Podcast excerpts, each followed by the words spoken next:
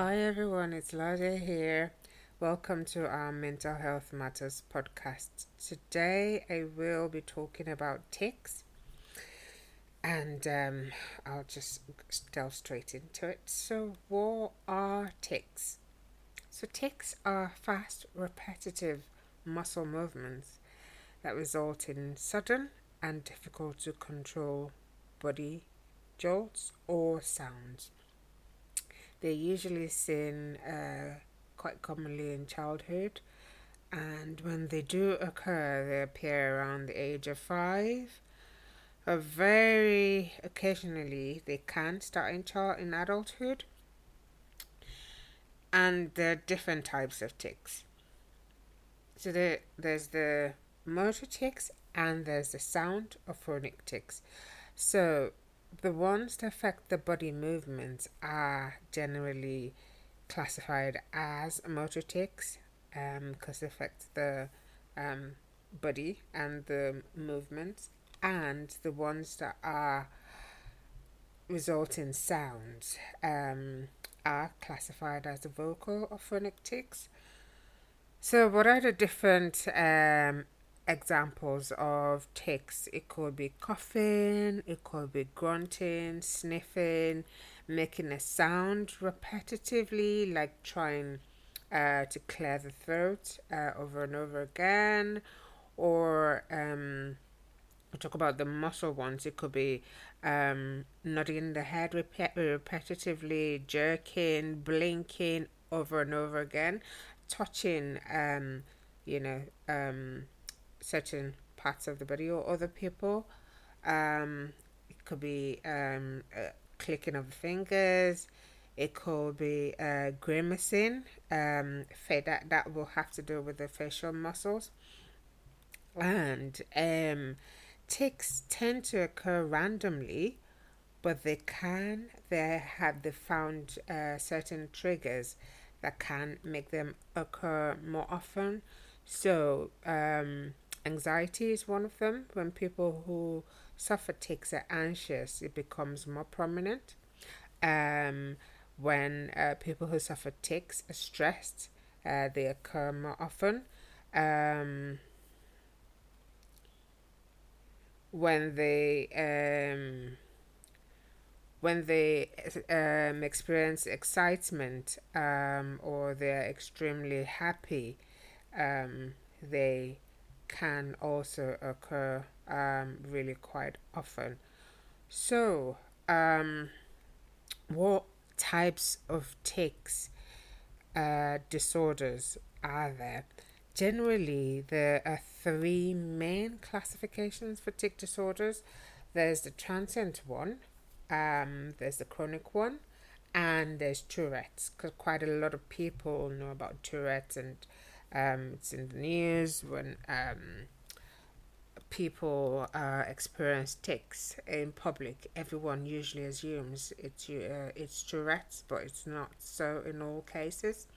So talking about the transient one, um, so this is uh, that occur um, for at least a month and less than a year um, consecutively and usually uh, occur before the age of 18 um, and can uh, it's it's mostly motor tics that are um, common in this category of the disorder that's the transient tic disorder rather than the vocal ones.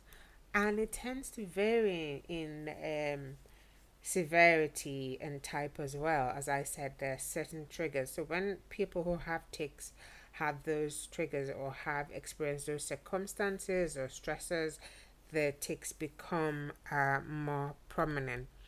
And uh, again, there are also certain um, disorders that are associated with tics, that is, the occur uh, comorbidly with tic disorders.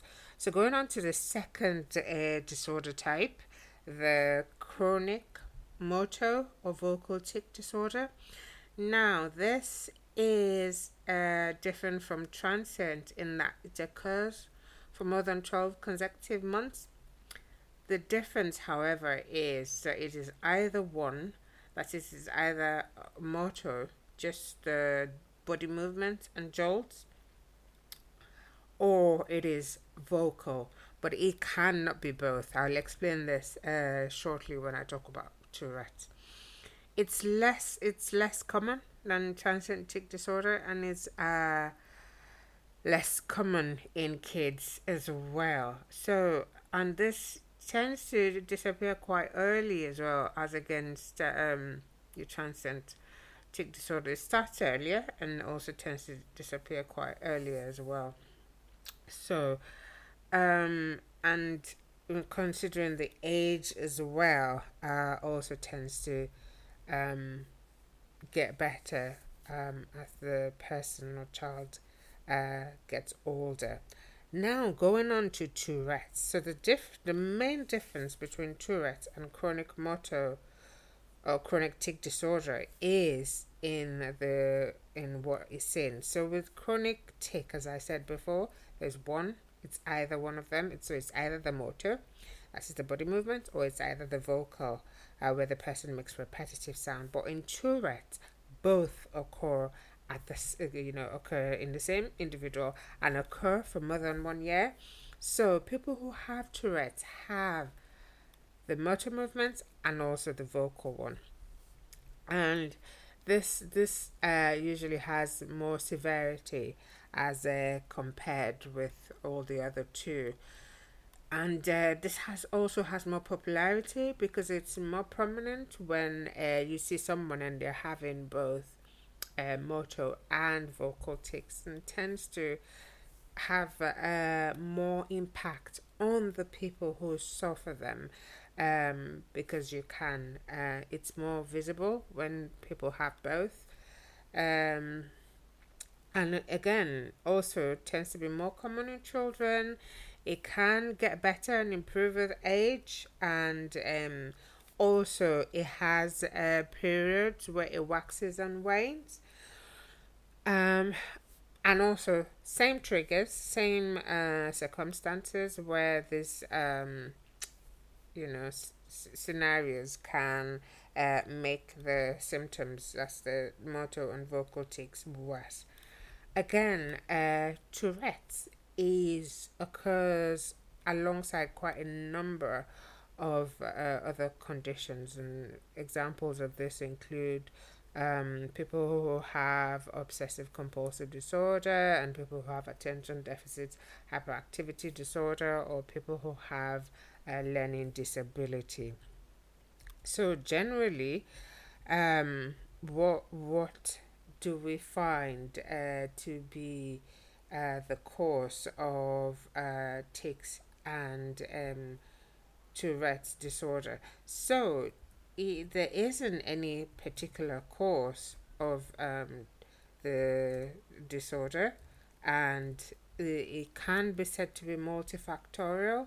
So um, there's there's genetics, there's uh, environmental, and there's the other disorders that I talked about. Um, so people who have um, attention deficit dis- attention deficit hyperactivity disorder or who have OCDs um, tend to have uh, tics or Tourette's occurring um, more um, in them rather than people of the um, people of uh, general populace who don't have any other disorders.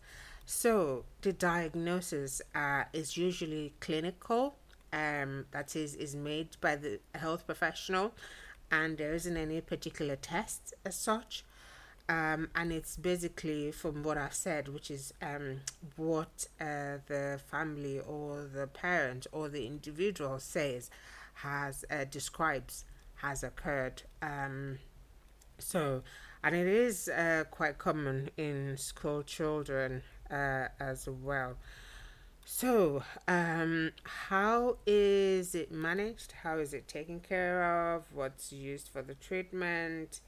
it, it is um, the two main um, main means of treating and we'll talk about a couple of the um, other bits as well.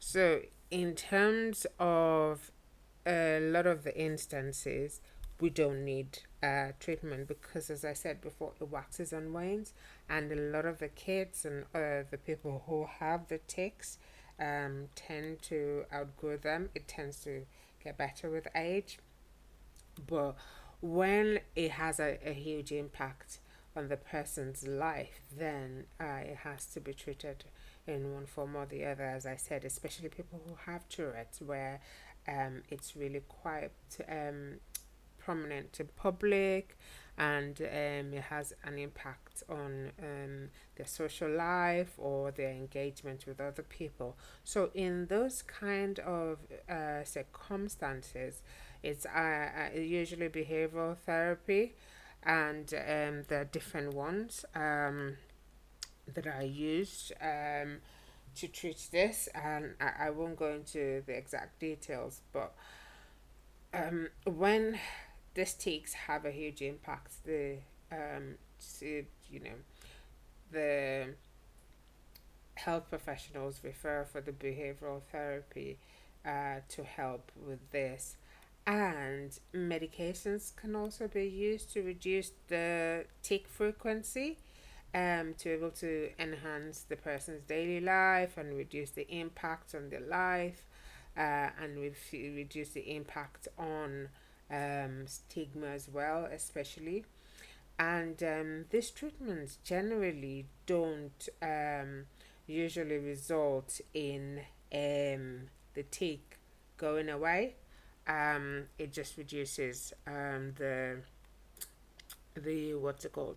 Uh, the frequencies so the individuals have them less.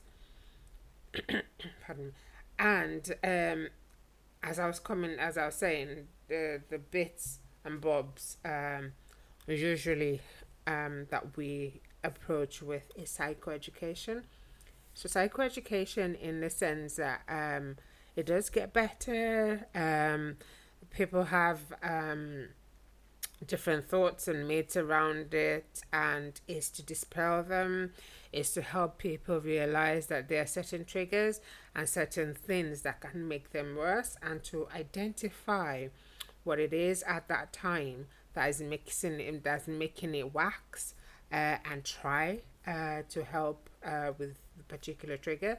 And this also ties in with social interventions, um, if it's anxiety, if it's stress, um, trying uh, to help the individual um, have less of the trigger. Um, and if it's anxiety, what is triggering the anxiety, so that we can reduce the frequency um, the of, of the tic occurring and the behavioral therapy as well. Um, there have been several psychological strategies that um, that people have come up with.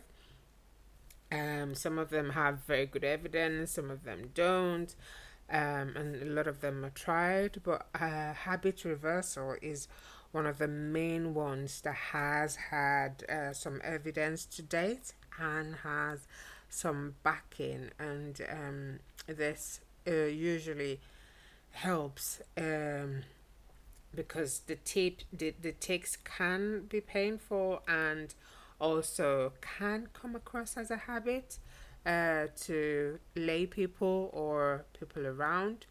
Um, so generally, uh, th- these are the approaches uh, that I used for the uh, treatment of tics. Um, I hope this has uh, helped somebody and you've been able to learn something about tics and um, help to reduce the stigma in terms of courses and um, also um, that it does help does get better with age.